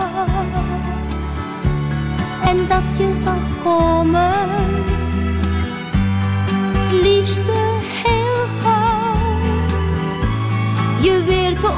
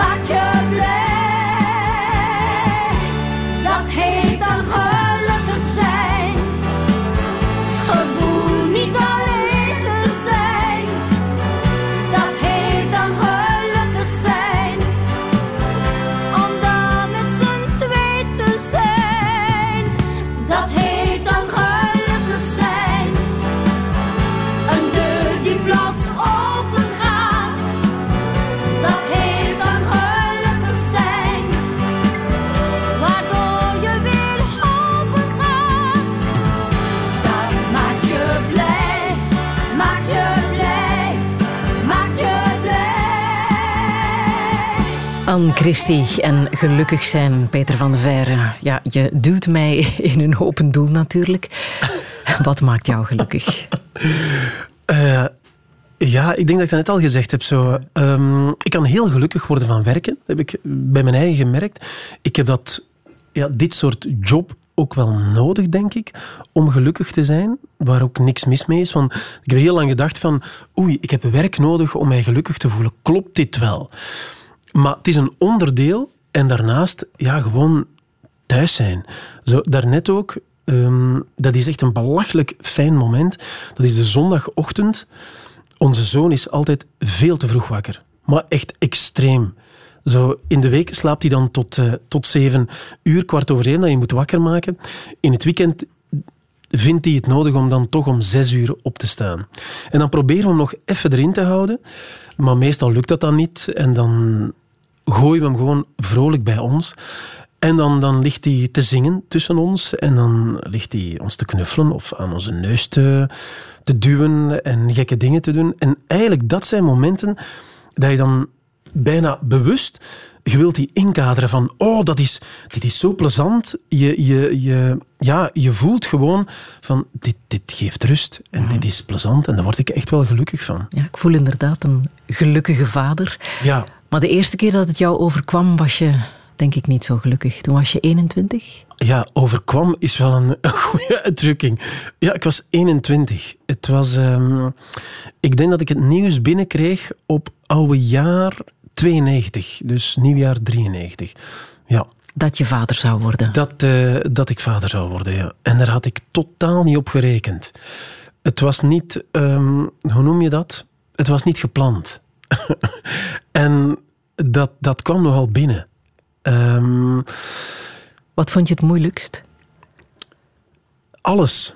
Ik vond op dat moment alles. Ik vond het leven op dat moment gewoon ook heel moeilijk. Zo van, waar plots deed iemand, dat is nu, en ja, dat, dat klinkt misschien heel oneerbiedig tegenover mijn toenmalige partner, tegenover, tegenover mijn, mijn, mijn oudste dochter, maar iemand deed het licht uit.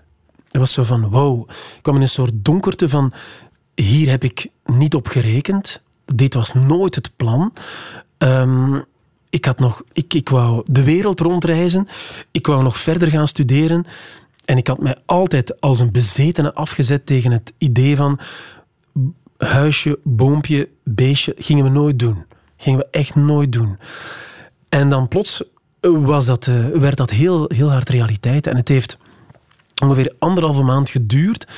Voor, we- ja, we wisten het natuurlijk wel met ons tweeën, maar voor ik het met iemand heb kunnen delen. En Moment- met je ouders ook. ja, mijn vader Niet was de eerste. Maar ja, eh, eh, ga, achteraf gezien wel. Ik, ik, eh, we zaten, je moet je echt voorstellen, mijn vader die kwam toen van zijn werk, die was nog keihard aan het werken. Die was soep aan het eten. En ik zat aan de andere kant van de tafel. En ik wist van, ik moet het ooit eens vertellen. Dan, er zal nooit een goed moment zijn. En ik wou het op een gekke manier ook gewoon eerst tegen mijn vader vertellen en niet tegelijk aan mijn beide ouders. Dat leek mij al een gigantische opdracht. En ik vroeg hem dan gewoon heel letterlijk van... Ik ben er altijd heel onhandig in geweest in dat soort verhalen. Zeg, pa, wat zou je nu van vinden om, eh, om grootvader te worden? En die mens keek mij aan, zijn lepel viel in zijn soep en die zei van... eh, ja, meen je dat nu? Ik zei, ja. Ja, dan, dan, dan gaan we dat maar doen zeker, hè. En we gaan we daar goed voor zorgen, hè. En je moet je geen zorgen maken. En in ja, vijf minuten tijd was, was niet alleen het licht weer aan, maar was er een vol stadion, vol spots van... Ja, oké, dit komt goed. Dit komt helemaal goed. En want ik was nog aan het studeren. En eh, toen ook met mijn moeder gepraat. Die deed eigenlijk ook wel zo van... Ja, jongen, ja, ja. Goh, ben ik ook vroeg moeder geworden. Dus voor, ja, dat, dat is die tunnelvisie waar je dan in zit. Plots leek het allemaal te gaan lukken. En het was niet evident, het was verre van evident. Ik studeerde. Mijn, mijn vrouw had toen... Ja, die had toen ook geen vaste job. Die had een job, maar die job die liep toen af. Dus we zijn eigenlijk als twee werkloze ouders eh, dan in Gent gaan wonen, in een klein huisje.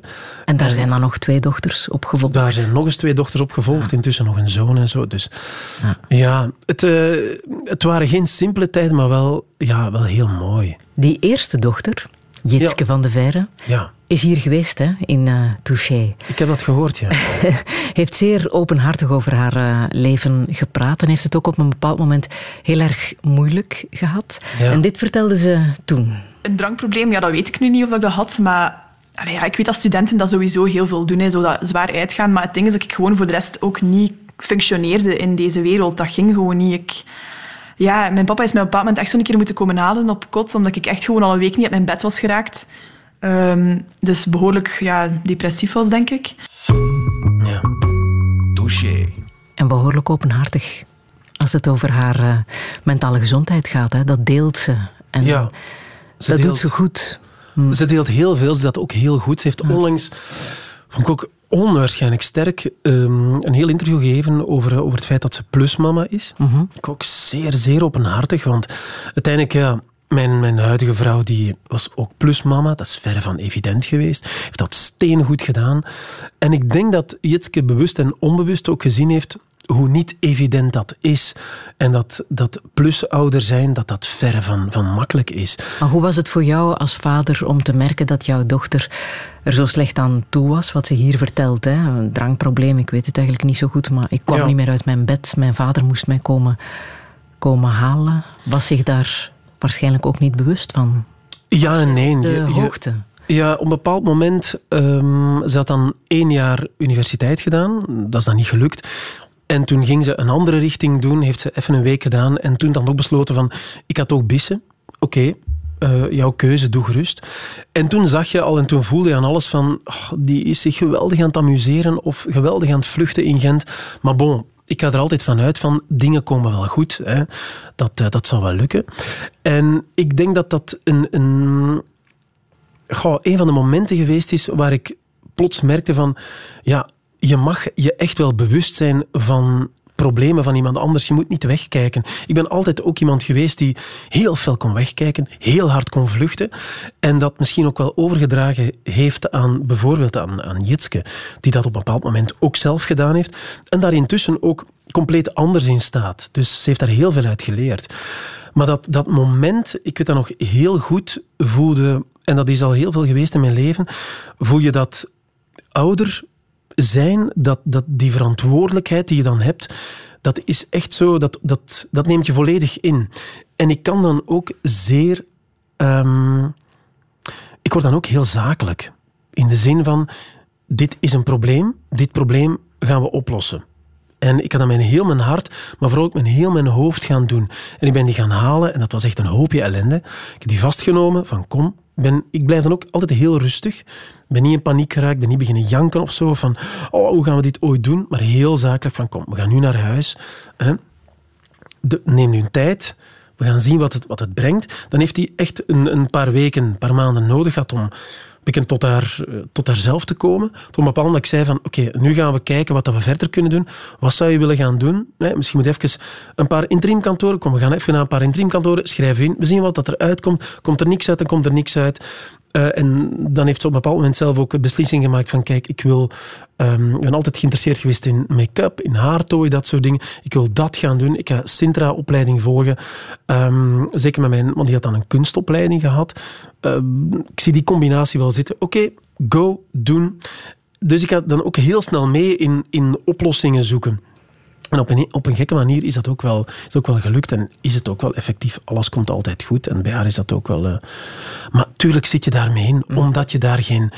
Je hebt er geen vat op als ouder. En je kan jezelf verwijten van, oh, ik heb dit en dit en dit niet goed gedaan. Ik heb daar niet het goede voorbeeld gegeven. Maar op Heb je dat het goede moment... voorbeeld gegeven? Wat zeg je? Heb je het goede voorbeeld gegeven? Dat weet ik niet, moet je echt aan haar vragen. Vermoedelijk, vermoedelijk soms wel en vermoedelijk soms niet. Ik denk dat het, het want ik zie nu ook dat zij ehm, worstelt met het feit van heel veel doen, heel veel werken, heel veel in handen pakken, maar langs de andere kant ook de terugbots van krijgen van wow man, ik wil ook wel eens gerustgelaten worden. En ik ben ook maar een mens en soms is het ook gewoon te veel, dus laat mij ook wel gerust. Dus heb ik daar het goede voorbeeld gegeven? Je moet dat aan hen vragen, Friedel. Je gaf haar het boek van Charles Bukowski. Die schrijft over drank en vrouwen. Ja. Niet meteen de meest prettige schrijver eh, in de literatuurwereld. Nee, nee het is een heel gek iets. Ik heb, ehm, dan de gemeentelijke bibliotheek in Waarschoot. Had je twee afdelingen. De kinderafdeling tot 12 jaar en dan de plus 12, de volwassenenafdeling. Dus de dag dat ik daar naartoe mocht, dan stoof ik daar naartoe van wauw, wat ga ik hier allemaal te zien krijgen. En bij de B vond je Ja. Bukowski. Het is echt zo, het is echt letterlijk zo gegaan. Ik begon bij de A, blijkbaar was, eh, was dat allemaal niet zo interessant. Maar de B was Bukowski. En dat, ik, ik nam dat boek vast eh, en ik begon daarin te lezen. En ik merkte van, wow, dit is een, een wereld die ik niet ken. En die slaat hier zomaar op vrouwen. En hoeveel drang kun je gebruiken als mens? En wat gebeurt hier? En ik werd daar helemaal door, door benomen. En zoveel jaar later dacht je, mijn dochter moet dit ook lezen. Ja, al is het maar om te zien van... Er zijn mensen die af en toe zelfs niet het padje kwijt zijn, maar waar zelfs nooit een padje geweest is. Ik vind dat een heel indrukwekkende... Die rauwheid, die waanzin, wat ook in de Joker bijvoorbeeld komt. eh, ik, vond dat, ik vind dat zeer fascinerend. Ik heb dat met de boeken. Brusselmans bijvoorbeeld ook zo. Die, die rauwheid die in die eerste boeken zit. Die, ja, de, de gewoonheid van mensen in miserie. Van dat zeer fascinerend.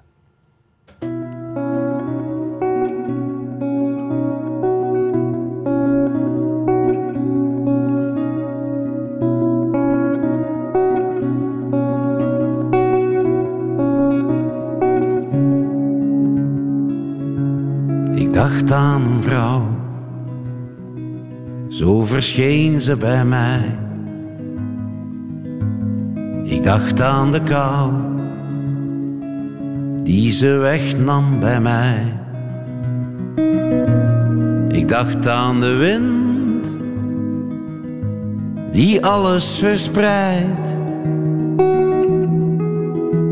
Ze is nog een vrouw, maar niet meer van mij.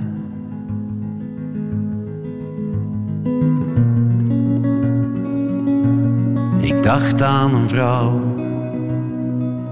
en we maakten iets mee onder mythische zon en gewoon op café. Ik dacht aan de tijd die alles vergeelt. Het was nooit genoeg en altijd te veel. Hoe kon ik maar, hoe kon ik haar maar opnieuw ontmoeten met loszittend haar en die prachtige sproeten. Hoe kon ik maar, ik dacht aan een vrouw, hoe ze wegliep van mij. In klaarlichte nacht met wat regen erbij. Ik dacht aan de smaak die de slag achterliet. Ik miste haar wel, maar vertelde haar niets. Hoe kon ik maar, hoe kon ik haar maar opnieuw ontmoeten met mij en de rest van het land aan haar voeten. Hoe kon ik maar, ik dacht aan een vrouw, zo verdween ze bij mij. Ik dacht aan de kou die ze teruggaf aan mij. Ik dacht aan de kou die ze teruggaf aan mij.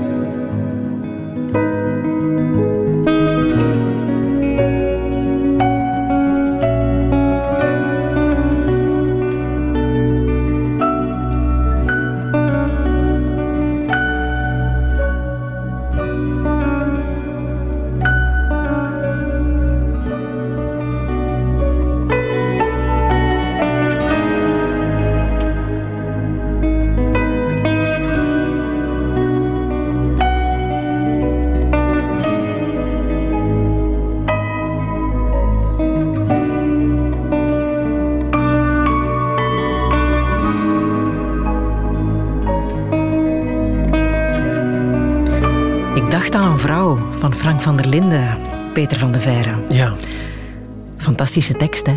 De- Ja, Frank van der Linden schrijft zo'n mooie liedjes, heeft zo'n onwaarschijnlijk goede stem. Maar vooral ook, ik, ja, als ik dit, als ik die, heel dat album Nachtwerk vind ik zo indrukwekkend. Als je dat opzet, zet dat luid op, dan overvalt je een soort, ja, oh, in, in Portugees zeggen ze saudade. En het is dat gevoel, het is niet melancholie zo, maar ja, je kan, daar, je kan daar heel ongelukkig en heel gelukkig tegelijkertijd van worden. Zeker zo, allee, tegenwoordig, het zijn allemaal break-up songs. Ehm, en dit is, dit is zo'n van een genialiteit, van een intensheid. Van, je voelt dat hij het allemaal zo hard heeft meegemaakt. En dan maakt hij er zoiets moois van. Ah. Ik vind dat zeer... Er zijn heel veel herkenbare dingen ook. Ik denk dat dat, dat ook is zo van kapotte relaties en, en hoe je daar ja, hoe je sukkelt in relaties, hoe je elke dag weer moet, moet zoeken en, en moet kijken van hoe pak ik dit aan en hoe kan ik ervoor zorgen dat ik niet opnieuw ja, struikel. Jij ook? Ja, Moet je het elke dag aanpakken? Ja, ik denk het wel, ja. Ja, jij, och. Ja, och, ik doe het graag, hè. pas op, ik vind het fantastisch. En, en het gaat ook heel goed op dit moment. Maar het is... Ja, het, het blijft een, het blijft een, een spel van, van twee mensen die voortdurend hopen dat ze op dezelfde lijn zitten. En het moment dat ze zien dat ze op dezelfde lijn zitten, daar toch weer aftuimelen. En dan hopen dat de ander hen opraapt, of toch dat de ander durf genoeg heeft om hen op te rapen. Zoiets. Het is niet, ik vind het niet evident altijd. Omdat het is een... ehm, ja, liefde is toch in, in veel gevallen zijn er zo van... Moet opletten wat ik zeg als mijn vrouw luistert. Soms is het ook gewoon een compromis. Maar compromis in de zin van ehm, rekening houden met een ander en daar toch ook nog zelf een egoïstisch geluk uit halen. Terwijl dat je dat op die manier die andere ook gelukkig kunt maken. Ik, ik vind dat een heel belangrijke. Ik, ik ben ook altijd opgevoed om, om ervoor te zorgen dat je de andere een plezier kan doen. Ik heb voor mijn eigen bijvoorbeeld een hele tijd geleden ehm, een punt gemaakt van ik wil en ik moet elke dag iemand of iets een compliment geven. En dat, dat kan heel klein zijn, maar dat kan soms ook heel over de top uitgebreid zijn. En dat is iets waar andere mensen zeer content van worden. Maar waar dat je dan opnieuw dat geluk ook terugkrijgt voor jezelf. Dus het is altijd vanuit een soort egoïsme. Dus vandaar ik bedoel dat, dat compromis, rekening houden met een ander, maar daar zelf ook een geluk uit halen. Want jullie zijn ondertussen volgend jaar, denk ik, tien jaar getrouwd. Ja, Klopt dat? klopt helemaal. Ja. Goed gerekend. Kan je zeggen op welke manier je gegroeid bent in die relatie, in die liefde? Ja. Ik heb mijn, eh, ik heb mijn vrouw leren kennen eh, op een... Maar echt, ik, dat is een, een film die nog elke keer afspeelt. Het is het grootste cliché dat je kan hebben. Het was... Ik stond op een podium, zij draaide zich om en eh, de wereld vertraagde. het, is echt, het, is, het is te belachelijk voor woorden, maar het is echt zo gebeurd. Zij kende mij niet, totaal niet. Zij was daar met een vriendin die een geweldige fan was van mij, die absoluut op de foto wou. Zij moest die foto dan nemen. En ik ben dan aan de praat geraakt met haar en ik was meteen onder de indruk. En ik ben nog altijd onder de indruk van haar. Ze is belachelijk intelligent. Ze heeft ook, ja, ze is een beetje te slim voor deze wereld ook. Ze ziet ook altijd veel te ver, waardoor mensen haar ook niet altijd begrijpen. Te slim voor jou? Zeer veel te slim van mij. Sowieso. Maar eh, ze, heeft mij, eh, ze maakt mij nog elke dag beter. En ze heeft mij ook beter gemaakt. Ze heeft mij leren praten. Ze heeft mij leren dingen zeggen die, eh, waar ik gewoon altijd bleef mee zitten. Ik ben, Zoals wat? eh, problemen, emoties. Ik ben echt een binnenfretter. Ik, ik had altijd het idee van, ja, maar problemen die moet je zelf oplossen. Wa- Ik had het ook altijd zo geleerd thuis. Wat mijn vader mij ook ooit letterlijk zei van, ik moet u daar niet mee lastigvallen met mijn problemen. Dus dat soort dingen. Terwijl zij, zij praat honderd uit. En, en in het begin was dat even wennen voor mij. Van, al die dingen zo. En, hoe, moet ik daar in godsnaam, moet ik dat er ook nog allemaal bij pakken? Maar het is door die wisselwerkingen van, om je eigen problemen te delen en, en te luisteren naar elkaar, dat je tot oplossingen kan komen. En alleen al het praten en luisteren kan al een oplossing zijn. Zo. En dus dat heeft mij wel...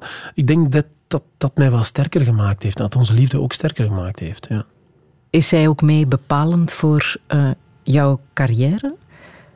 Heeft zij daar ook een zeggenschap in, in wat jij nu gaat doen? Want je hebt twee exclusiviteitscontracten, wat al heel bijzonder is. Eentje bij VRT en eentje bij Ja. SBS. Die lopen allebei af in eh, augustus. Ja. In hoeverre ben jij degene die gaat beslissen? Ik beslis op het einde wel.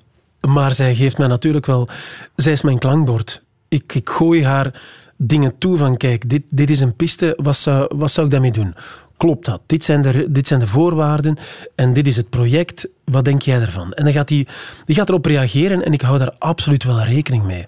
Maar op het einde van de rit zal ik wel de beslissing moeten pakken. Dat wel. En dat is ook omgekeerd zo. Zij... ehm, zij doet ook heel veel dingen in haar job die ze naar mij gooit en waar ik dan als een soort ja, ongeleid klankbord op, op, eh, op projecteer en waar zij ook dingen van meeneemt, sowieso. Want Maar- het lijken mij, als het gaat over jouw toekomstige carrière, geen evidente gesprekken. Hè? Je moet ineens gaan praten over je marktwaarde. Ja, gelukkig heb ik daar, eh, heb ik daar een, een heel slimme manager voor. die, die mij altijd veel duurder verkoopt dan nodig. Maar, Wordt er hard onderhandeld? Goh, hard is een, is een groot woord. Het belangrijkste is altijd van wat is het project? Wat kunnen we gaan doen? Niet van hoeveel moet het kosten? Dat is altijd het tweede. En daar wordt uiteraard wordt daarover gepraat. Maar het zijn... Goh, laat ons zeggen dat het... eh, we leven niet in Amerika of zelfs niet in Nederland. Er worden gesprekken gevoerd over budgetten. Maar we gaan ook niet onnozel doen. Ik denk dat... Allee, ik ga fijn verdienen mm, als alles doorgaat. Maar ik kan niet na twee jaar kunnen stoppen met werken bij manier van spreken. Dat niet. In dit huis dat moet besparen? Ook in dit huis dat moet besparen. Maar ook buiten het huis dat moet besparen. Ja. Ook dat speelt mee, uiteraard. Wat zou je het liefste willen? Het liefste? Ehm, het Als je liefste je zou hart laat spreken. Ja, daar moet ik echt niet onnozel over doen. Ik zou het liefst een radio willen maken. Klaar. Bij een zender waar ik dan... ehm, die ook klopt op dat moment bij mij. Ik zou nog... Ik heb ooit gezegd, ik wil zelf een zender starten. Ik wil nog eens opnieuw beginnen. Dat heb je al gedaan, hè? Dat heb ik al gedaan zo. En daar zijn... Ja, in dit huidige landschap zijn er mogelijkheden toe. Maar de vraag is van... Wil je dat avontuur nog eens opnieuw gaan doen? En ga je daar gelukkig van worden? En dat soort gesprekken heb ik op dit moment met mijn vrouw. Je hebt het eh, radiolandschap ook zien veranderen natuurlijk. Hè? Ja. Wat zijn de veranderingen die jou het meest verbazen? Radio is lang niet meer wat het was toen jij begon. Ehm, het is ja en nee. Het, het, het, frappeert mij nog altijd. Er wordt nog altijd heel veel live radio geluisterd, nog altijd live televisie gekeken. Maar het blijft... Ja, wat ik... En ik heb daar onrechtstreeks misschien ook wel een, een rol in gespeeld. Ik weet toen ik begon bij Studio Brussel, was het eigenlijk niet echt de gewoonte om je personality mee te laten spelen. Je was een van de verschillende presentatoren en hè, dat was het dan. Eh, ik denk dat Jan Houtkiet daar op dat moment een beetje een uitzondering in was. Hij was dan Hallo Houtkiet, maar voor de rest waren dat ja, de stemmen, heel mooie stemmen, eh, maar behoorlijk rustig. En je moest er vooral niet uitspringen. Dat was iets voor... Radio Donna heeft op een bepaald moment wel op de kaart gezegd personalities die er mochten uitspringen. En ik denk dat eh, een personality op radio op dit moment ook nog wel belangrijk is, omdat hij dan een verhaal te vertellen heeft. En die nabijheid, eh, wat je vroeger veel minder had. Vroeger had je de presentator achter de microfoon. En om die te bereiken moest je al... Ja, je kon een fax sturen toen. Je kon een gele briefkaart sturen. Ja. En er was een begin van e-mail, denk ik. Maar nu, ja, ze kunnen echt letterlijk in je DM sliden. En je, je meteen aanspreken. De app die staat voortdurend open. Je hebt constant contact met, de, met dat publiek. En je merkt dat daar nog altijd wel verhalen kunnen verteld worden. En dat mensen nog altijd wel troost, entertainment en ja, directe informatie halen uit dat medium. Dus het, ja, het is veranderd, maar het is nog niet weg. En ze kunnen een Peter van de Veire nog wel ergens gebruiken. Blijkbaar. Op welke zender dat, ehm daar moeten we nog even op wachten. Dat ga je vandaag niet vertellen. Hier ook wel gezellig.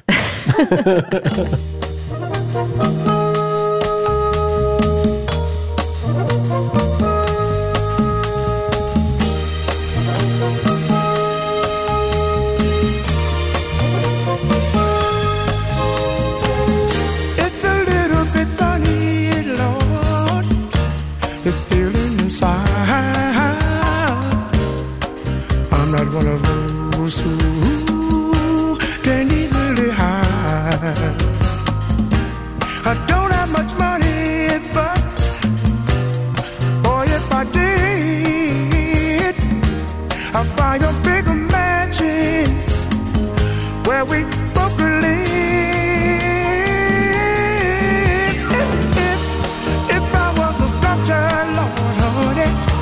but then again, no. Or a man who makes potions in a traveling show.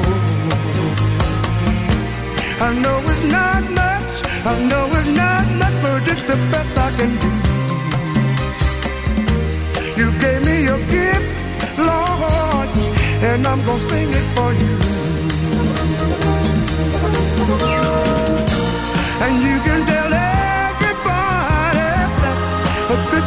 Song.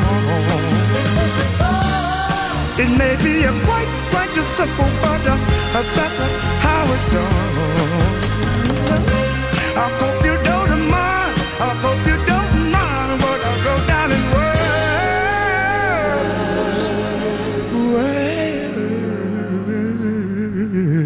Words.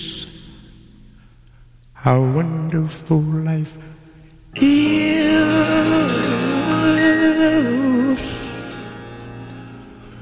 when you're in the world. world, world. If, if, if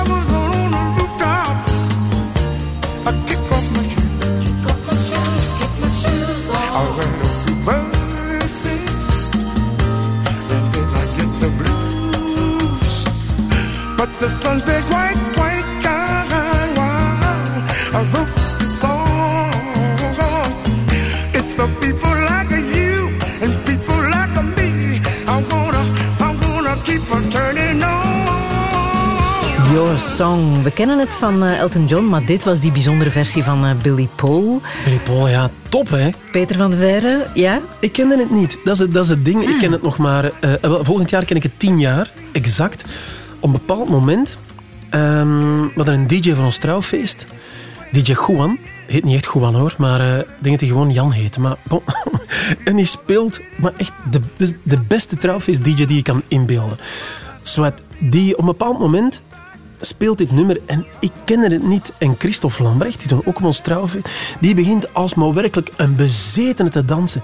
Ik zeg maar, wat is dit? Billy Paul, en kende je dat niet? En ja, dat, dat, heeft iets mij losgemaakt. En ik vereenzelf dat nummer altijd met dat moment. Ja, ik heb toen hem zien dansen op dat nummer. dacht van, dit kan geen slecht liedje zijn. Als de beste radio-dj van de wereld hier op zot gaat, dat moet, dat moet de max zijn. Dus ja, sindsdien is dat een van mijn lievelingsnummers. Zo'n mooi liedje. Christophe Lambrecht, het is ondertussen drie jaar geleden dat Drie hij jaar, eh, ja. is gestorven aan hartfalen. Ja, Hij is absurd. geen 50 geworden. Nee, dat was de running gag altijd. Van, eh, hij werd 40 en eh wij zaten toen nog... Zaten wij toen nog? Ik denk niet dat wij nog samen op Studio Brussel zaten. Zwart, wij zagen elkaar nog wel af en toe. En ehm, ik zei van... Ja, jong, allee, 40, dat is bijna 50. Ik moest daar heel hard om lachen. En hij zei, en dat was onze running gag. Elk jaar dat, dat wij jarig waren, sturen we naar elkaar van, allee jong, bijna 50. En dat is het gruwelijke, hij is nooit 50 geworden. Op het moment dat die mens, die had alles op orde op dat moment. Hij was gezond, hij had eh, heel veel demonen weggezet. Hij had een prachtig gezin. D- Dat klopte allemaal. En dan echt met één vingerknip, pats, was het gedaan. Vond het, was het ook confronterend voor jou? Ja, absoluut, ja. Ja, ik denk dat eh, dat is een van de gebeurtenissen die ervoor zorgen dat, je, dat ik plots doorhad van, ah, oké, dat, dat is niet voor altijd dat weer zijn. Ik had dat daarvoor echt amper. Ik weet, als, als ik terugdenk aan mijn jaren toen ik zo in de twintig was, had ik nooit het idee van... Zelfs toen mijn, mijn grootmoeder stierf, die is 80 geworden, toen dacht ik niet van, ah ja, ooit gaat het aan mij zijn. Nee, ik was jong, ik zat vol brani en alles ging goed. En dan plots bij Christophe was dat een, een, een heel confronterend moment. Dat je een jong iemand, die er nu intussen al drie jaar niet meer is, op zo'n kort moment kan ja, weggeslagen worden. Alsof iemand een pion, zoals bij mens erger je niet, die pionnen verzet en plots, poef, jij, jij, hebt, jij bent even niet meer nodig. Leef jij gezond? Want je hebt 13 jaar lang s ochtends vroeg gewerkt, eh, marathonradio's gemaakt, eh, eh, je laten opsluiten in glazen huizen eh, zonder eten. Ehm, gezond is dat denk ik niet, hè? Nee, ik verplicht mezelf om gezond te leven. Ik heb En hoe gelukkig doe je dat opnieuw- dan? Oh, ja, mijn, mijn vrouw helpt mij daarbij. Door, ik, ik kook dus elke dag en zij beslist wat er op tafel komt. Dus zij beslist dat er heel veel groenten en dat we in de week zoveel mogelijk vegetarisch eten. Ehm, dus dat, mijn levens... Qua, qua eten hou ik daar wel rekening mee. Ehm, ik laat me één keer per week afbeulen door iemand. Tegen mijn zin. Ik haat sport. Ja. Ik vind dat echt niks. Ik heb nooit gesnapt waarom mensen... Het enige wat ik, wat ik leuk vind, zijn spelletjes, zo voetballen en dat soort dingen. Maar ja, je moet dan meer met mensen afspreken. Dat is veel te veel gedoe, dus dat doe ik dan ook weer veel te weinig. Eh, ik fiets wel graag. Dat doe ik wel. Ik heb zo'n, ja, ook zo'n eh, een koersfiets waar ik... eh, gisteren bijvoorbeeld nog eens een anderhalf uur gaan, gaan, gaan sporten. Maar dan wel met... Ik moet dan iets in mijn oren hebben, een podcast of muziek of dat soort dingen. Maar nooit de mensen die mij ooit hebben gezegd dat... Er bestaat zoiets als runners high. Dat is een complot. Dat is niet waar. Geloof het niet, Friedel. Het klopt niet. Ik heb het ooit geprobeerd. We zijn ooit 12 kilometer gaan lopen aan een stuk. Ik was alleen maar kapot. Ik had pijn overal. Die runners high, het is onzin. Niet waar, een leugen. Peter, die vraag van dat standbeeld moet ik zeker stellen. Ja, ja. Wat heb je met standbeelden? Wil jij een standbeeld of wat is Nee, het? nee, nee, nee, maar ik vind het altijd fascinerend om... Ben in Turijn bijvoorbeeld, eh, was dat... Daar, die Italianen, die kunnen standbeelden maken. Jij gaat kijken naar standbeelden. Dat, Ja, als ik een standbeeld zie, wil ik altijd weten van wie is dat en waarom staat dat hier en, en hoe groot is dat.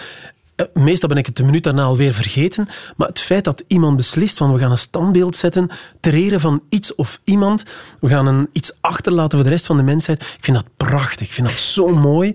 En door weer en wind, ja, ik vind dat zeer indrukwekkend.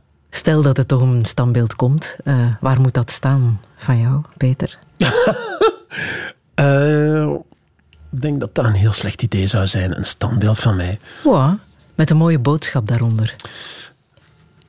Ja, maar waar dat dan moet komen, pff, geen Wat zou die boodschap mogen zijn? Heb je daar een idee van? Ja, ik zeg altijd van, het, het, het komt altijd goed, ook als het niet altijd goed komt, maar dan hebben we, godverdomme, toch hard geprobeerd. Denk zoiets. We zullen proberen dat er allemaal op te zetten. Peter van de Veire. Touché. Radio 1.